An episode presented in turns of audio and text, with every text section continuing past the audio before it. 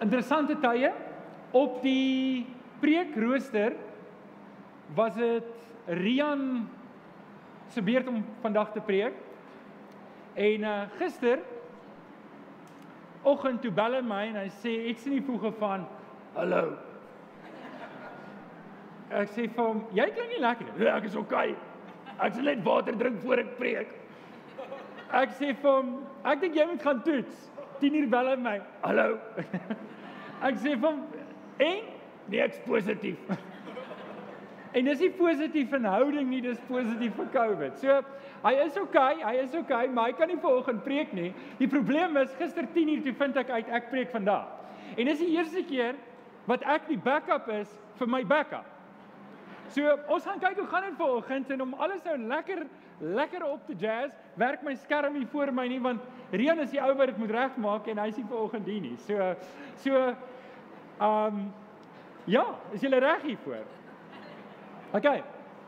Vandag praat ons, ons kom by die 5de ononderhandelbare en ons gaan vanoggend gesels oor die Bybel wat die woord van die Here is. En ek wil sommer nou dadelik hê jy moet verstaan, wanneer ek praat oor die Bybel, praat ek oor die woord van die Here en ek gaan hulle wis, in, as wisselforme gebruik. Jy moenie die mekaar raak nie. Ek praat die heeltyd van dieselfde. Ek praat van die Bybel, daai Bybel wat jy het wat ons nou-nou gaan ophou en um vir die mense gaan wys. Nou okay, ons het klaar die graad 6 en 7 is uitgestuur en um nou het ek te vinnig aangegaan na die volgende punt toe. OK, so ons praat vandag oor die 5de deel en vanoggend wil ek met jou gesels oor hierdie gedagte dat die Bybel behoort vir my en vir jou totaal en al ononderhandelbaar te wees as die finale gesag in ons lewens. En voor ek iets daaroor sê, I just want to tell my um Scottish friend Robert um the sermon in English. So Robert, what I'm about to say is that the word of God is the final authority in the Christian's life.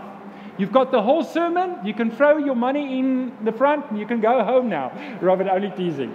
Okay, so ek gaan met julle vanoggend oor hierdie onderwerp praat en ek dink ons sit met 'n groot probleem vandag dat daar's groot aanvalle op Christendom en op die Bybel. En ek ek wil vir julle sê, partykeer, partykeer is dit asof ons 'n bietjie te sag raak. Ons Christene raak, ooh, hulle val ons Christene aan weet julle wat nê? Nee? Ons beleef niks teen wat hulle in die vroeë kerk beleef het. Ons beleef niks nie. So jy weet wanneer iemand opstaan, wanneer die ateïs opstaan en sê die Bybel is nie die woord van die Here nie, dan dan is ons so kwaad en ons is ons doke, maar julle is niks nie. In die begin moes hulle hulle geloof verdedig het en hulle dood gegaan daarvoor. So ek wil net dalk op hierdie punt sê, maybe we should toughen up.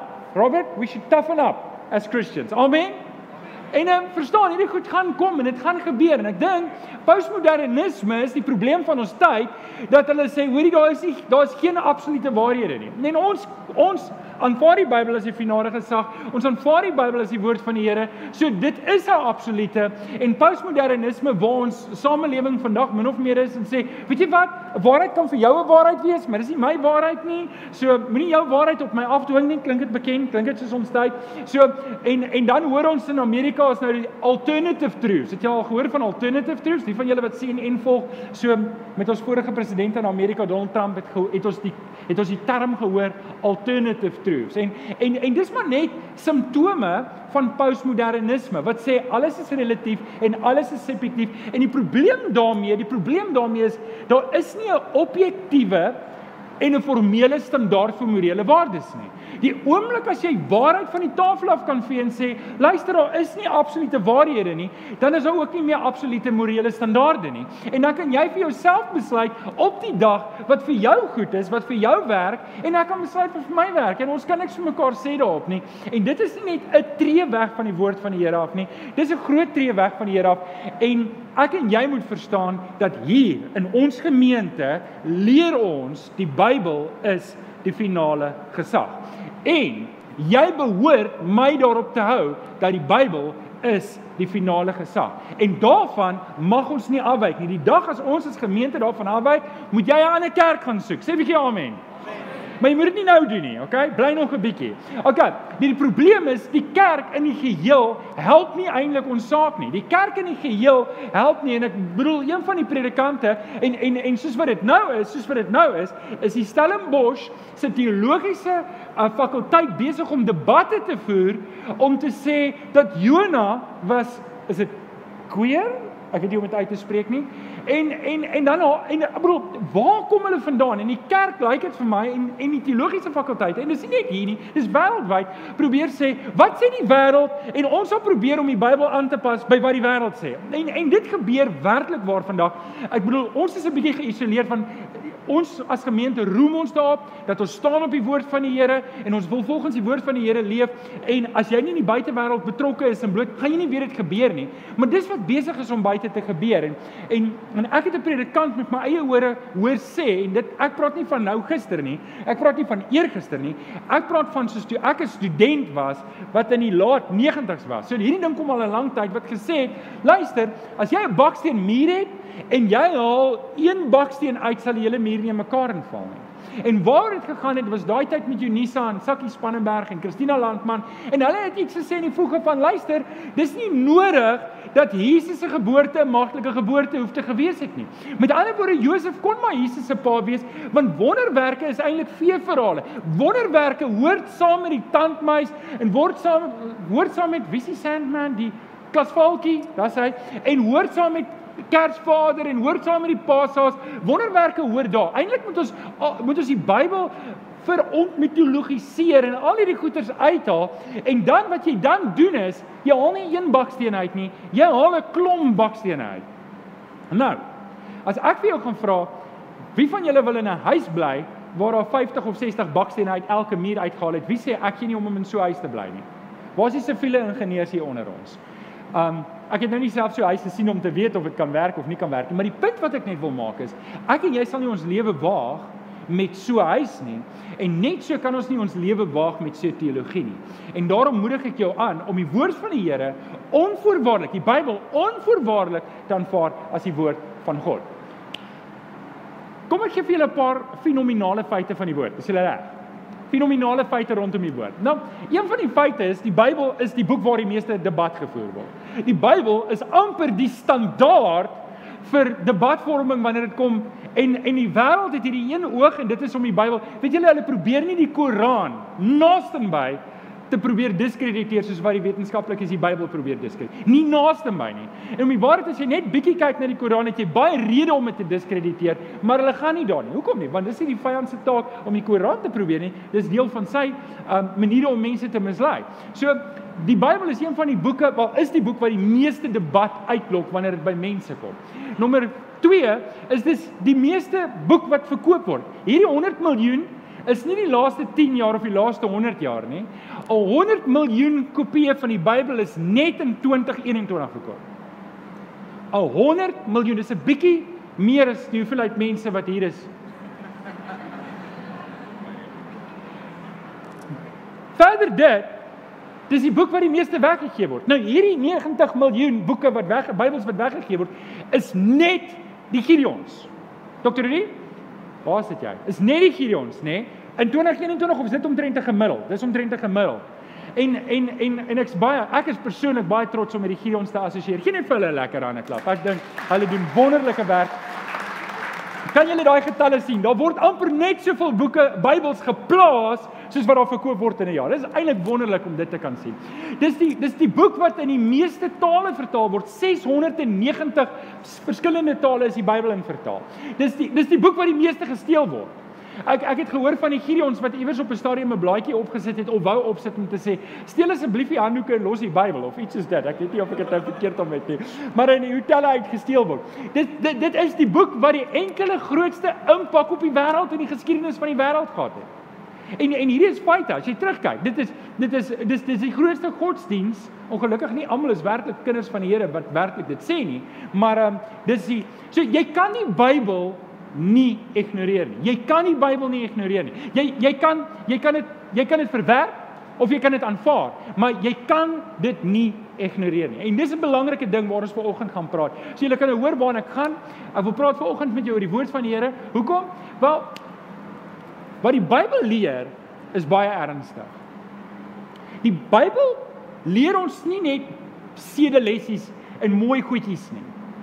Die Bybel leer ons dat daar 'n ewigheid wat wag vir ons na hierdie dood.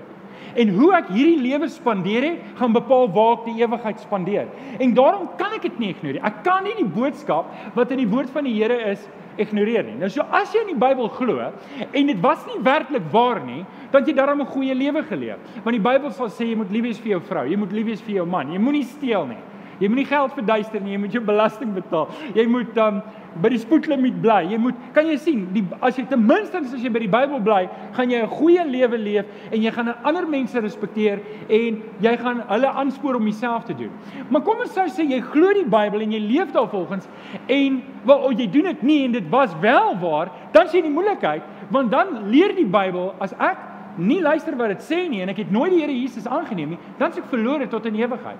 En die verlorendheid wat in die Bybel beskryf word, is een van die bakstene wat teoloë vandag wil uithaal en dis die hel. Die, die hel is een van die eerste bakstene wat hulle probeer uithaal om te sê die hel bestaan nie. En julle die die die, die hel word baie duidelik beskryf in Openbaring as 'n poel vuur wat vir ewig sal brand en dit sal nooit ophou nie. En dis 'n dis 'n uh, die Engels praat van 'n inconvenient truth wat selfs Christene probeer verwerp want dis dan maar 'n harde boodskap. Maar dis die waarheid wat die skrif leer wat ons deel van as die Bybel aanvaar. So as jy die Bybel verwerp het jy die meeste om te verloor. So ons eerste bron van kennis van God en van Jesus Christus en die waarheid is die dis die Bybel. As die Bybel en ons kan nie verby dit kom nie. Sonder die woord van die Here kan ek hom nie ken nie. Ek kan nie sonder die Bybel Jesus ken nie. As ek na die natuur kyk en ek kyk na die skepping en ons gaan volgende week 'n bietjie praat oor die natuur en die skepping. As ek na die sterre kyk, wie van julle was al in Sutherland gewees en het daar gaan kyk? Is wonderlik. Ek bedoel as jy daar's, dan is daar duisende, duisende, duisende sterre wat uitroep elke sekonde God leef God bestaan en en en wanneer jy kyk wanneer jy deur die Karoo ry, wanneer jy deur die Cederberge ry, wanneer jy deur deur ons land toer en jy kyk hoe alles lyk, dan kan jy nie anders as om oor die indruk te kom dat God bestaan nie. Maar daar's 'n probleem, hierdie natuur, die sterre, die wind, donderslae, niks van hierdie goeters kan vir jou sê wie God is nie. Dit kan vir jou sê dat God bestaan, maar dit kan nie vir jou sê wie God is nie. En dit is hoekom ek en jy die Bybel nodig het. Dit is die Bybel is die primêre openbaring van wie God is. Ons kan God nie leer ken as dit nie is vir sy woord nie. En dis hoekom dit so belangrik is. En vanoggend wil ek drie gedagtes deel rondom die woord van die Here En um, en eintlik is hierdie alhoewel ek laasweek of 2 weke terug gesê het as ek een laaste boodskap het om te preek dan sal ek die boodskap preek oor die Here Jesus want dis waar ons verlossing in lê. Maar as ek klaar die Here Jesus aangeneem het, dan is dit baie belangrik dat ek my lewe moet baseer op die woord van die Here. So hierdie boodskap is baie belangrik vir mense wat sê hulle is werklik lief vir die Here. Wie van julle sê ek het die Here Jesus aangeneem? Steek net op die hand. Wie van julle het die Here Jesus aangeneem? OK, so julle het nie julle hande opgesteek. Wie van julle sê ek's regtig ernstig oor my geloof in die Here? OK, dit het amper gelyk soos minder hande, maar die hande het later aan bygekom. Maar as dit waar is, as jy hier sit en jy sê ek is 'n kind van die Here en ek en ek wil vir hom lewe, dan moet ek en jy die woord van die Here ernstig opneem en dis waar ek ver oggend met jou wil praat. Dit gesê, dan sit mos nou gepas. Ek en jy moet opstaan. Staan saam met my op. Staan saam met my op. Hou jou Bybel lekker hoog in die lig en sê lekker hard saam met my. Dit is my Bybel. Ek is wat dit sê ek is. Ek het wat dit sê ek het. Ek kan doen wat dit sê ek kan doen. Met my mond bely ek met my hart glo ek dat Jesus die Here is. Amen. Amen. Jy kan jou Bybel oopmaak by 2 Timoteus. 2 Timoteus gaan ons op net twee verse lees vers 16 en 17 in hoofstuk 3 vers 16 en 17 en terwyl jy blaai, wil ek net eers vir almal wat aanlyn ingeskakel het, sê baie welkom en hallo. Dis lekker om jou hier te hê vanoggend. Weet julle, is my altyd lekker. Daar's altyd so 80, 90 mense wat inskakel of gesinne. So dit verteenwoordig seker 140, 150 mense. Baie welkom vir julle. Dis lekker om jou hier te hê. Help ons asseblief om die boodskap uit te uit te kry. As jy klik op like of op subscribe of jy gaan share dit op Facebook, dan is dit 'n maklike manier om vir YouTube te sê hierdie um, boodskap is belangrik en sy algoritme tel dit op en hy bring dit uit. So help ons asseblief. Geef hulle ook 'n lekker hande klap. Baie welkom. Is lekker om julle hier te hê. Kom ons lees saam. Ons lees saam in 2 uh, Timoteus 3 vers 16 tot 17. Die hele skrif, sê saam met my die hele skrif. Die hele skrif is deur God geïnspireer en het groot waarde om in die waarheid te onderrig, dwaaling te bestry, verkeerdhede reg te stel, 'n regte lewenswyse te kweek sodat die man en natuurlik die vrou wat in diens van God staan, volkome voorberei en toegerus sal wees vir elke goeie werk. Dis ons teksgedeelte vir vanoggend. Ek wil met jou drie gedagtes deel rondom die Bybel en uh, jy kan jou raamwerk daar sien. Nou moet ek vir jou sê, uh Rian het hierdie raamwerk voorberei. Ek het saam met hom 'n bietjie gewerk daaraan. So gister toe ek nou besluit, wat moet ek doen? Moet ek 'n hele nuwe boodskap voorberei? 10 uur gisteroggend of um gaan ek kyk want da daarom help ek hom so baie. Ek help hom nie so baie nie. Ek moet daarom vir hom krediet gee. Maar so ek het 'n idee waar hy gaan preek en toe besluit ek nee wat. Ek gaan sy notas vat en preek. So ek preek vanoggend Rian se boodskap en van die slides weet ek nie wat hy wou sê nie. So ek gaan vir julle net sê, ek weet nie wat hy wou sê nie. Julle moet hom volgende week self vra. Sal julle dit doen? Alraai, so kom ons kyk hoe gaan dit. Drie gedagtes rondom die Bybel. Die eerste belangrike gedagte en jy kan dit op jou raamwerk skryf en en hierdie moet ons vasmaak in ons harte is die Bybel is God se woord in mense taal. En en hier is dalk 'n 'n 'n skei wat ons moet maak in ons gedagte. Die Bybel is God se woord in mense taal. Dis God wat sy woord uitgespreek het op 'n baie spesifieke manier sodat ek en jy dit kan verstaan. Nou, ons het dit nou net gesê die hele skrif is deur God. Kan ons dit weer sê? Die hele die hele skrif is deur God geïnspireer. Ek wil 'n bietjie stil staan om daai woord geïnspireer theopneustos. Nou om dit te verduidelik, het ek 'n jong man gevra om langs my te kom staan en uh, jy kan sommer net gee hom 'n lekker hande klap. Dis Kobus. Kobus is 'n goeie handlanger. Hy help my altyd. Jy kan net hier so staan uit die dataprojekte se plek uit en ek gaan probeer om theopneustos vir jou te verduidelik. Jy kan voortgaan terwyl ek praat. Um asseblief moenie op hom konsentreer nie, konsentreer op my. So theopneustos bestaan uit twee woorde. Dit bestaan uit theos wat God is en pneuma wat gees is. Theopneustos wat 'n werkwoord is en um om dit om dit te verduidelik, theopneustos Die woord beteken letterlik om in te asem. Jy kan opblaas, hoor, jy kan opblaas. So, as jy die vers direk wou vertaal het, soos wat dit daar staan, dan sê jy gesê het die hele skrif is deur God ingeasem. Sê gou ingeasem. Of dis ingeblaas. Sê gou ingeblaas. So en dis wat hy nou hier doen. So kan jy net daar stop en gou-gou vir almal die ballon by. So nou gaan ek vir julle vra wie se ballon is hierdie? OK, wie se asem is dit? Nou as jy daai konsep verstaan, as jy verstaan dat die skrywers in die Bybel was soos hierdie ballon, maar die asem binnekant is God se, dan kan jy verstaan hoe God geïnspireer het. God het letterlik sy woord ingeblaas. Dankie. Jy kan weer gaan sit. Geef hom 'n lekker hande klap toe. So So die die die aanklag teen die Christene en die aanklag teen die Bybel spesifiek is dat die Bybel is net opgemaakte stories. Dis dis stories wat of dalk net stories wat neergeskryf het. En ek het baie keer gehoor hoe mense die woord probeer afgradeer om te sê die Bybel is net mense wat stories geskryf het, mooi stories, maar dit is in 'n bundel gesit toevallig en en nou het ons dit gekry en dit is mooi en dit is wonderlik en dit is dis wow dat dit so oud is, maar dis al wat dit is. Dit is net mense, gebroke mense wat stories geskryf het. Asof die inhoud van die Bybel deur deur die mens geproduseer is en menslike inisiatief is. En en wat ek vir jou probeer wys vanoggend is dis glad nie die geval nie. Dit is deur God ingeblaas, dis deur God ingeasem. So die Bybel in itself is 'n is 'n wonderwerk. Die Bybel in itself is 'n wonderwerk. Die samestelling en die skryf van die Bybel het nie het het gebeur oor nie minder as 1500 jaar van Moses tot Johannes. 1500 jaar. Nie minder as 40 skrywers het geskryf nie. En onthou, hulle het nie almal in dieselfde tyd geleef nie. Hulle het oor tye geleef. Nou kan jy indink as jy dit in gedagte moet hou dat die Bybel akkuraat is, histories akkuraat is. As jy kyk na buitebybelse bronne, jy gaan jy gaan en jy kyk, dan sien jy dit wat hulle geskryf het word bevestig in die tyd wat hulle geleef het. Nou onthou nou net nê, as ek en jy 'n boek gaan saam skryf, kom ons sê ek wil 'n boek skryf en ek het 'n tema wat ek wil skryf en ek kry julle almal bymekaar en sê, "Right, ek gaan vir julle die hoofstukke uitdeel." Nê? Nee, maar julle moet skryf wat ek wil hê julle moet skryf.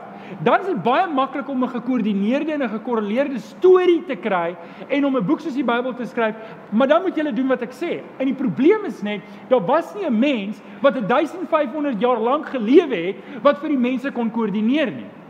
Maar daar was 'n persoon en dit was God. En dit is presies die punt. God het die Bybel gekoördineer. Daar was 'n outeur agter die Bybel wat seker gemaak het dat die feite in die skrif kontrasteer mekaar nie. As ek en jy gaan skryf, as jy wetenskaplike joernale gaan skryf, dan gaan jy sien oor tyd is daar goed wat verskil en kontrasteer. En dis oukei, okay, want hulle leer, hulle ontwikkel. Maar die skrif gebeur dit nie. Dis asof die eerste skrywer geweet het wat aan die einde gaan gebeur. En tog wanneer hy skryf, kom jy agter hy weet nie. Maar die inhoud wat hy gee weet. As Paulus ag as as Moses skryf en hy skryf die verhaal van Abraham, dan kom jy agter maar die Abraham Isak verhaal wys na Jesus. As jy kyk die verbond met Abraham, dan verwys dit na Jesus. Dit kan ek en jy nou sien, dis duidelik soos daglig. En tog Moses wat geskryf het, het nie geweet Jesus gaan aan die kruis sterf vir my en jou sonde nie. Kan jy sien hoe wow dit is? Sê net 'n bietjie wow. Ek bedoel dit is regtig wow en so dit is nie menslik moontlik nie. Dit is bonatuurlik geïnspireer. Dit verander mense se lewens vandag nog. So, God se gees was instrumenteel. God se gees is die outeur. God, dit was dieselfde gees wat in Moses was, wat in Job was, wat in Jona was, wat in Dawid was, wat in Matteus en Markus en Lukas en Johannes en Paulus was. Amen.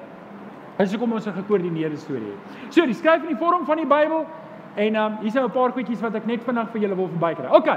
2 Petrus 1. Hier is 'n mooi vers. En as jy op jou raamwerk as jy kan jou neerskryf. 2 Petrus 1 vers 20 skryf Petrus en hy sê dit veral moet julle weet, geen profesie in die skrif, so julle hoor hy verwys terug na die skrif toe, geen profesie in die skrif kan op grond van eie insig reg uitgelê word nie. Hoekom nie? Vers 21 gee die rede. Want geen profesie is ooit deur die wil van 'n mens voortgebring nie. Nee, deur die Heilige Gees meegevoer het mense die woord wat van God afkom verkondig.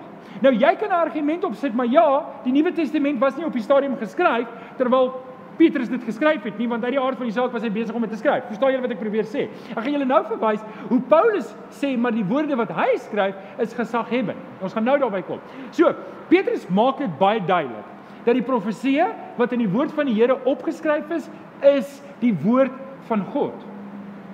Dit is die woord van God. Dit is die woord van God en ons kan nie verby dit kom nie. Dit het nie menslike oorsprong nie. En daarom kan ek en jy nie in 'n vleeslike brein dit uitlei nie. Daarom vir die mense wat ongered is, die mense wat buite die evangelie staan, hulle kyk na die woord en sê, "Maar julle is mal. Hoekom sal julle na 'n boek kyk wat so oud is?" Maar ons wat in die Here is, lees die woord en dit verander ons harte. Wie van julle is al aangespreek deur die woord van die Here? Wie kan amen sê daar? Wie van julle se lewe is al verander deurdat jy in die woord van die Here jouself ingrawe? Wie kan amen sê daar? OK? Wie van julle sê vandat ek die woord van die eh, Here in my lewe gebruik, het alles verander? Wie van julle kan werklik dit getuig? Ek getuig daarvan. En so met ander woorde, ons weet, dis nie net iets wat ons sê, o, maar die Bybel is geïnspireer nie. Wanneer ek kyk na my eie lewe en ek sien hoe dit my lewe verander, kan ek sien daar's groter krag daarin as dit net 'n selfhelpboek wat geskryf is. Nou sê Paulus in Galasiërs 1 Ons nou gepraat van die Ou Testament. Die Ou Testament is geïnspireer. Maar wat van die Nuwe Testament? Paulus sê in Galasiërs 1 vanaf vers 11 tot 12. En dis waar van die res van die Nuwe Testament ook. Hy sê dit moet julle goed besef. Broers, die evangelie wat ek verkondig is nie deur 'n mens uitgedink nie. So ek wil julle moet hoor, ons is nou by die Nuwe Testament. Ons is nie meer by die Ou Testament nie. Hy sê die woorde wat ek aan julle bring, die woorde die evangelie oor die Here Jesus Christus, dis nie deur 'n mens uitgedink nie.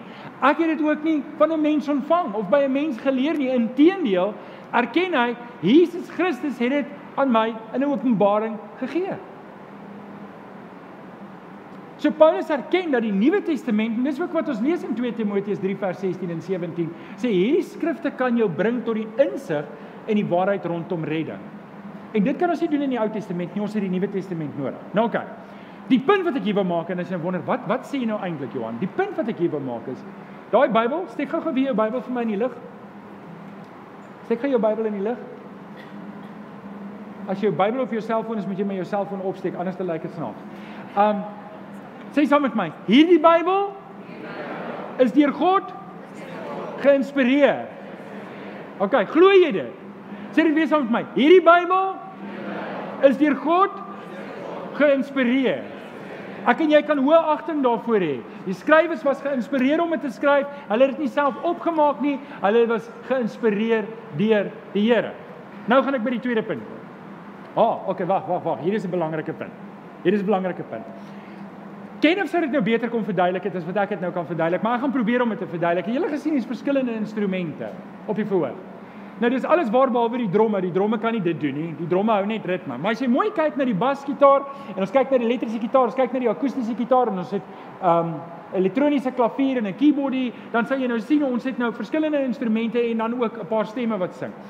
As as hulle saam in G akkoord speel, dan klink die instrumente almal verskillend. Hulle maak almal 'n verskillende geluid, maar hulle is almal in akkoord. Hulle is almal op dieselfde lyn. Hulle speel almal dieselfde wysie. En net so wanneer ons die Bybel lees en dis deel van inspirasie, moet ons verstaan dat toe God vir um Paulus gebruik het, het hy die Paulus ballon opgeblaas. So die ballon het gelyk soos Paulus, maar binne-in was God se inspirasie. Net so het hy 'n Markus ballon opgeblaas en het hy 'n Lukas ballon opgeblaas. So die ballonne het dalk verskillende kleure en verskillend gelyk, maar die inspirasie was nog steeds die Gees. So wanneer ons Markus lees, dan lees ons Markus se karakter en persoonlikheid binne in die Markus woord. Ons lees Paulus binne in die Paulus woord. Ons lees Petrus binne in die Petrus, maar alles is nog steeds in akkoord met die Heilige Gees. Maak dit vir julle sin? Ek het gedink dit is 'n oulike illustrasie, maar ek weet almal van ons ken nie musiek so goed nie, so dit gaan nie so goed werk nie. Alraai, punt nommer 2 op jou raamwerk. Die Bybel, nommer 2 Het die laaste sê, dis hy. Die Bybel het die laaste sê. Die Bybel moet die laaste sê in my en in jou lewe.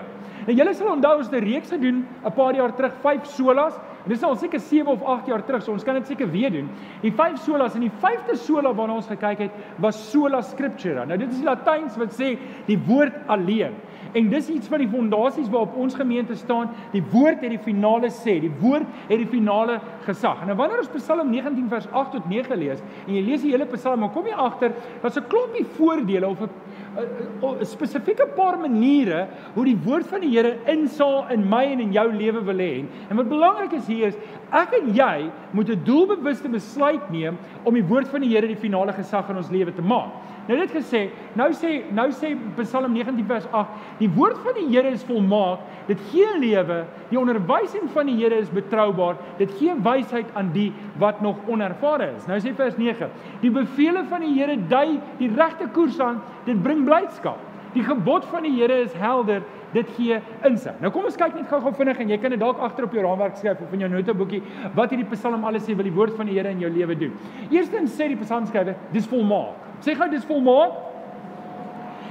Dis die houding wat ek en jy moet hê wanneer ons die Bybel oopmaak. Dis volmaak. Dan sê hy dit gee lewe.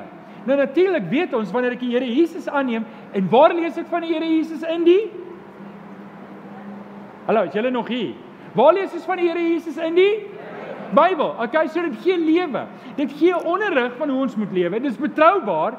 Weet dit lei jou nie van die pad af nie. Dit gee wysheid. Dit hou ons op die regte koers en ehm um, dit bring blydskap in ons lewe. Dit gee insig en daar's nog baie goed wat ons kan noem as ons die ander plekke lees.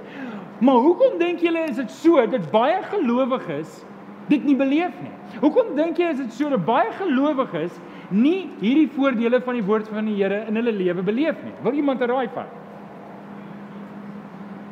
kan ek julle sê. Want hulle maak nie die Bybel die finale gesag in hulle lewens nie. Ek dink almal sal saamstem. Wie van julle stem saam die Bybel moet die finale gesag in die kerk wees? Steek op julle hande as julle saamstem. Die probleem is egter dat baie keer het ons een van twee probleme. Eerstens, ons erken die Bybel as die finale gesag, maar ons ken nie die Bybel nie. Want sien ons kan sê, hoorie die Bybel is heilig, die woord van die Here staan, maar ek ken dit nie self nie, so ek weet nie waaraan ek myself moet onderwerp nie. Dis die een ding wat 'n probleem is. Die ander ding wat 'n probleem is, is dit kan wees dat ek dit ken, maar ek steur myself net nie daarin. En maar weet weet jy wat nê, nee, die ek moet aangaan met my lewe. Weet julle, ons lewe in 'n stukkende wêreld en as ek nie saam met die wêreld die stukkende maniere kies nie, dan gaan ek myself, dan gaan ek myself verloor en ek gaan nooit voorkom in die lewe nie. So ek is jammer, ek moet onderhandel. Ek moet ek moet 'n bietjie by die kerk sal ek by die kerk wees. Ek sal dit op die kerk se maniere doen, maar as ek by die huis is, dan moet ek dit op op 'n ander manier doen. En dis baie keer. Ek het eendag met 'n oomie gepraat in ons eie gemeente wat hierdie woorde gesê het en hy het gesê dis textbook Boetie, dis textbook. Ek kan onthou ek was net hier in die Kaap. Ek was nog jonk, ek was 28 en ek praat toe en ek sê vir die oom, "Maar oom, daai is nie reg volgens die woord van die Here nie." En hy sê vir my, "Man, dis net textbook daai goed." Hy sê van die Bybel, dis net textbook. En en en en weet julle, jare later, het daai oomie se lewe heeltemal uitmekaar uit. Sy huwelik het uitmekaar uitgeval en en hy en hy die kerk kwaadlik geneem en hy die Here kwaadlik geneem Maar ek het onthou hoe hy teruggewys het na die Bybel en gesê, weet jy wat, dis net teksboek antwoorde, dit werk nie in die regte wêreld nie. En en daarvoor moet ek en jy pas op. Paulus sê in Romeine 12 vers 2, julle moenie aan hierdie sondige wêreld gelyk word nie. Wat is die teenoorgestelde van die sondige wêreld? Dis die woord van die Here. Hoe leer ek om meer te word soos die Here Jesus? Deur om myself te vereenselwig met die woord van die Here en myself daarin te verdiep. Paulus sê, "Maar laat julle uh, laat God julle verander deur julle denke te vernuwe. Ek en jy moet ons verstand en ons hart en ons gedagtes laat deurweek met die woord van die Here en laat die woord van die Here die finale gesag wees in ons lewens. Anders dan gaan ons nooit die voordele van die Here beleef in ons lewens nie. sien julle ek het vir my notas weggepreek. Christene het twee probleme. Nou weer eens by die twee probleme kom gehou. Hou net vas, hou net vas. So. Ek ek sien in die notas was daar vir die tieners. Is daar nog enige tieners oor hierso? Wie's op wie's op hoërskool? Steek gou op die hande. Wie's op hoërskool? Okay, ek gaan nou by julle kom. So, 'n paar van die probleme wat ons het is Partykeer neem ons besluite op wat ek dink reg is en wat vir my goed is en wat vir my werk. Partykeer doen ons neem ons besluite. Is dit nie so nie wat sosiaal aanvaarbaar is? Ons ons neem 'n besluit. Ons wil nie mense afronteer nie. Ons wil nie mense kwaad maak nie. So ons neem besluite op grond van dit. Ons sien goed wat op die TV gebeur en dit is ongelukkig so. Dit wat 20 jaar terug op TV gebeur het is vandag die norm. Is vandag die waarde. En dan daar's vir die tieners ene wat jou vriende doen of goedkeur en ek dink die jong mense is veral op 'n sensitiewe tyd in hulle lewe dat hulle wil hulle wil nie uitvoel nie en hulle wil nie weet boelie is 'n groot probleem in ons skole vandag en um nog een vir die tieners dink ek is um ons doen goed om aanvaar te word maar ek dink nie dis net vir julle jong mense nie. Ek dink dit is vir almal van ons. En baie keer doen ons dit net uit ons emosie uit. En die probleem met al hierdie goeters is as ek daarop reageer reageer ek met my beperkte kennis my beperkte insig oor hierdie lewe en ek vertrou nie die woord van die Here nie en dis wanneer my lewe skade ly en en die uitdaging wat ek en jy moet maak vir oggend is om die woord van die Here die finale gesag in ons lewe te gee. So die woord van die Here is nie net volmaak nie. Dis die finale gesag. En nou wil ek jou gou in die oë kyk op hierdie punt. Is die woord van die Here werklik die finale gesag in jou lewe? Is die woord van die Here is jy aktief en doelbewus besig om jou lewe in te rig volgens die woord?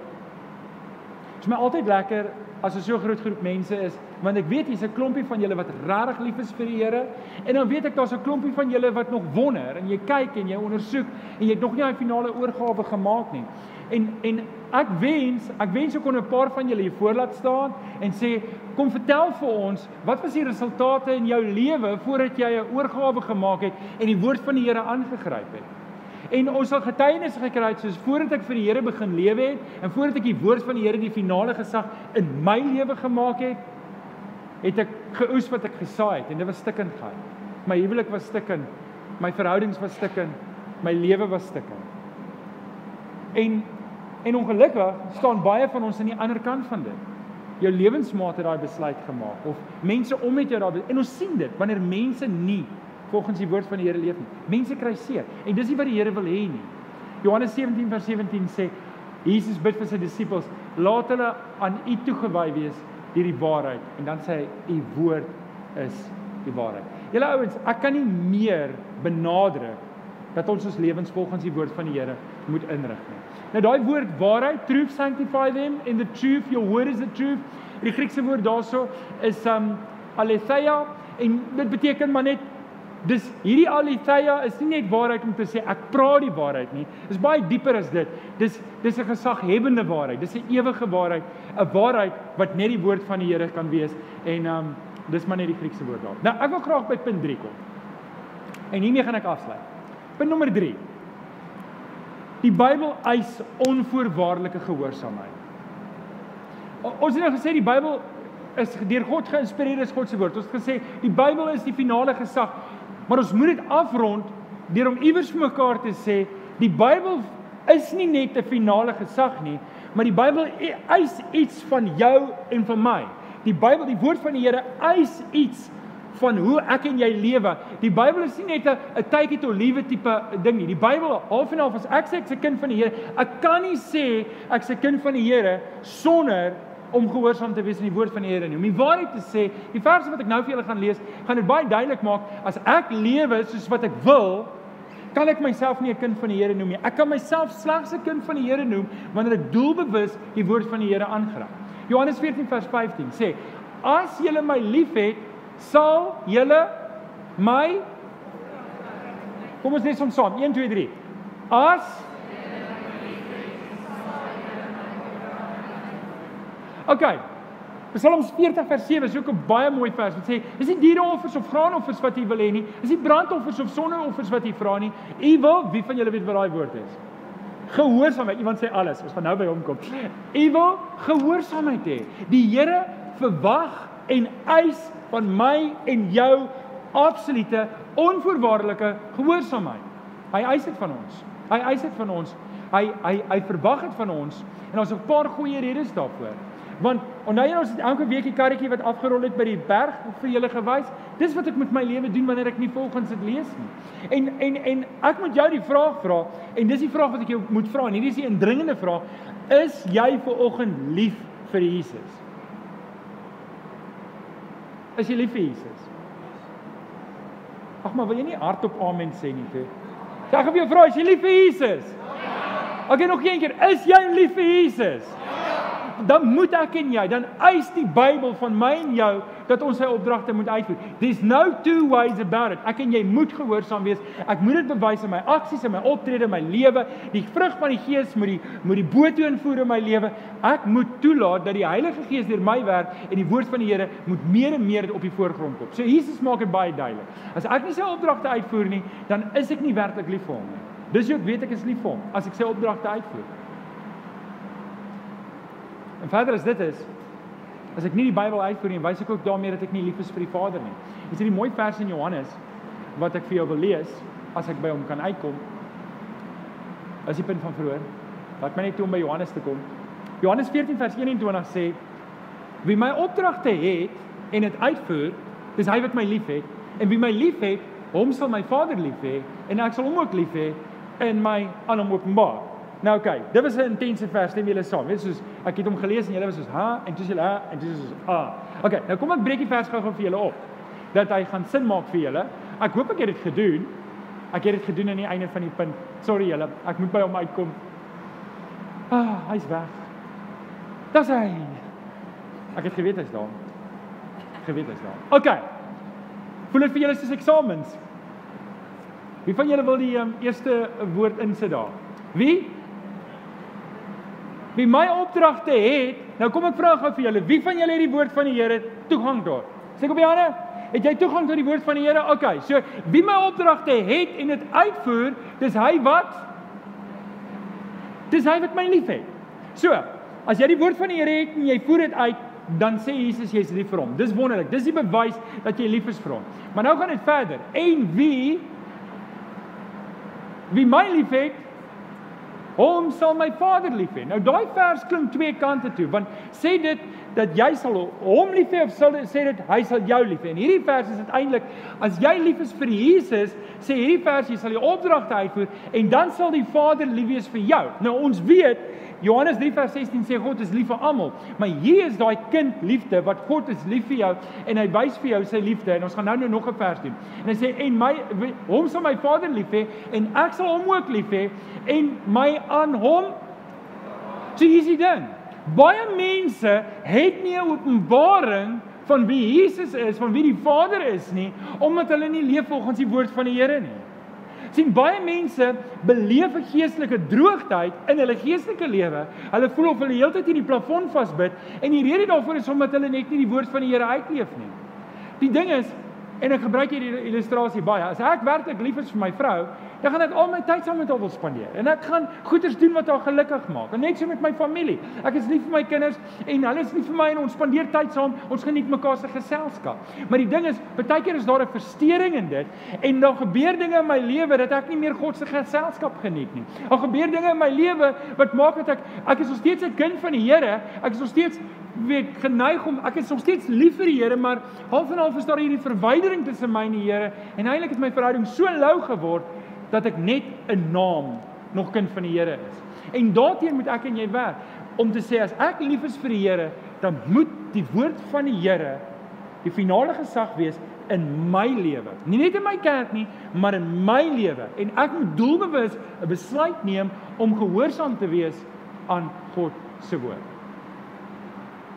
Wanneer ek gehoorsaam is, dan wys ek dat ek lief is vir die Vader. Ek wys dat ek lief is vir Jesus en ek wys dat ek lief is vir die Heilige Gees. Dis hoe dit werk. Dis hoe ek die, dis dis hoe ek dis hoe ek God se werking in my lewe gaan beleef. Nou oké. Okay, ek is amper klaar. Lukas 6 vers 46. Vra Jesus hierdie woorde: Watter sin het dit dat julle sê Here, Here, maar julle doen nie wat ek sê nie? Ek wou nog 'n vers ingesit het, maar ek gaan hom net aanhaal. Wat Jesus in Matteus sê, en daardie dag sal daar baie wees wat vir my sê Here, Here, maar ek sal sê gaan weg want ek het jou nie geken nie. En baie keer vra ons die vraag in die evangelie, ken jy Jesus? En dit vra ons baie mekaar, ken jy Jesus? En die antwoord daarop is ja. Ek weet wat Jesus was gebore in in 'n stal en en al hierdie wonderlike stories en die skaapwagters. En as jy vra vra maar maar ken Jesus vir oggend jou naam? En dis die vraag wat ons vanoggend moet vra. En, en hiermee wil ek afsy. Dankie Kenny. Hiermee wil ek afsy. Die die Here vra nie baie nie. Hy vra Wat sê hy nou? Hy vra alles. Die Here vra alles. Hy vra alles van jou. Hy vra dat ek en jy alles moet neersit. As Jesus vir sy disippels sê, as jy nie bereid is om jou kruis op te neem en my te volg nie, kan jy my nie volg nie. Jesus vra nie 'n bietjie nie. Nou weet jy wat in die begin bring ons ons broodkrummels in die Here aanvaar dit. Maar daar moet 'n plek kom wat ek sê, Here, Ek besef ek kan nie meer vir myself leef nie. Here, ek kan nie meer my ou lewe leef nie. En vriende, hierdie is 'n selfevaluasie wat ek en jy moet doen. Ek moet kyk na die woord van die Here en sê, Here, my lewe verskil te veel van u woord. My lewe lyk te veel anders. Ek besef Ek besef as ek daardie dag voor U gaan staan, gaan U vir my sê, "Gaan weg, ek het jou nie geken nie." Want ek het die woord nie ernstig opgeneem nie. Ons mag hier nie onderhandel nie. Hierdie is 'n saak van lewe en dood. OK. Ek sluit hier af. Ek sluit hier af. My wonderlikste voorreg in my lewe is om jou te mag bedien. Dis vir my groot voorreg. En vriende, ek is lief vir julle. Ek is regtig lief vir julle. Dis my wanneer ek dink aan julle, ek bedoel, hier's Attie en Adrian, Eras. Maar dan gaan ek almal se name noem. Ek is lief vir julle en ek waardeer julle so. En vriende, As ek bely dat ek lief is vir julle, moet ek vir jou die waarheid sê. En die waarheid is dit. Dit kan wees dat ek ver oggend hier sit en sê Here, Here. Maar ek het werklik nie 'n verhouding met hom nie. Dit kan wees dat ek ver oggend hier sit en ek en ek sê Here, Here. Maar ek is nie naby gehoorsaam aan die woord van die Here nie. En vriende, ek weet almal van ons is op hierdie pad. En vanoggend wil ek daai pad weer vasmaak met jou. Ek wil liewer hê jy moet met jou kruis loop en struikel en val en opstaan, struikel en val en opstaan, maar jy moet op pad wees in jou lewe ook na Golgotha. As wat jy die kruis al neergesit het en jy sal heeltemal op jou eie kant en jy weet van die dinge van die Here, maar jou hart is nie meer daar. Maar vervolgens vir jou 'n geleentheid gee, soos wat ek altyd doen om om te reageer op volgens se boodskap. Want dalk is dit waar jy vanoggend is, jy het nodig om 'n hertoewyding te maak aan die Here om te sê Here, dis nie vir my genoeg dat ek weet van U nie, maar ek wil hê U moet my ken. Kom ek bid vir jou.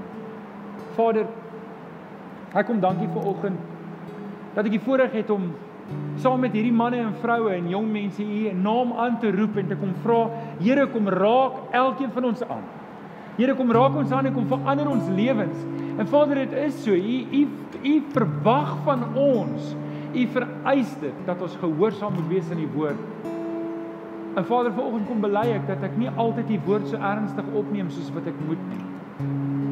Ek kom vra dat U my sal vergewe en op hierdie pad sal lei. Maar Here, nie net vir my nie, vir ons as gemeente. Here, dat ons sal opstaan en sal sê, die woord van die Here is nie net die finale gesag in in ons gemeente nie, maar is die finale gesag in my lewe. As jy vanoggend daai belydenis wil maak saam met my om al is dit die eerste keer, al is dit die tweede keer om te sê, Here, Ek wil ver oggend weer u woord die finale gesag kom maak in my lewe.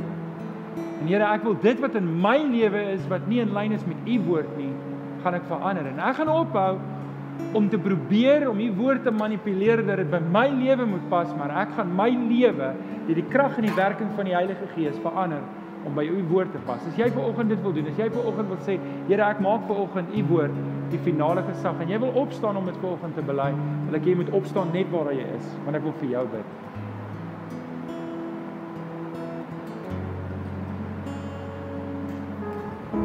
Jy ver oggend sê hier is ek, Here.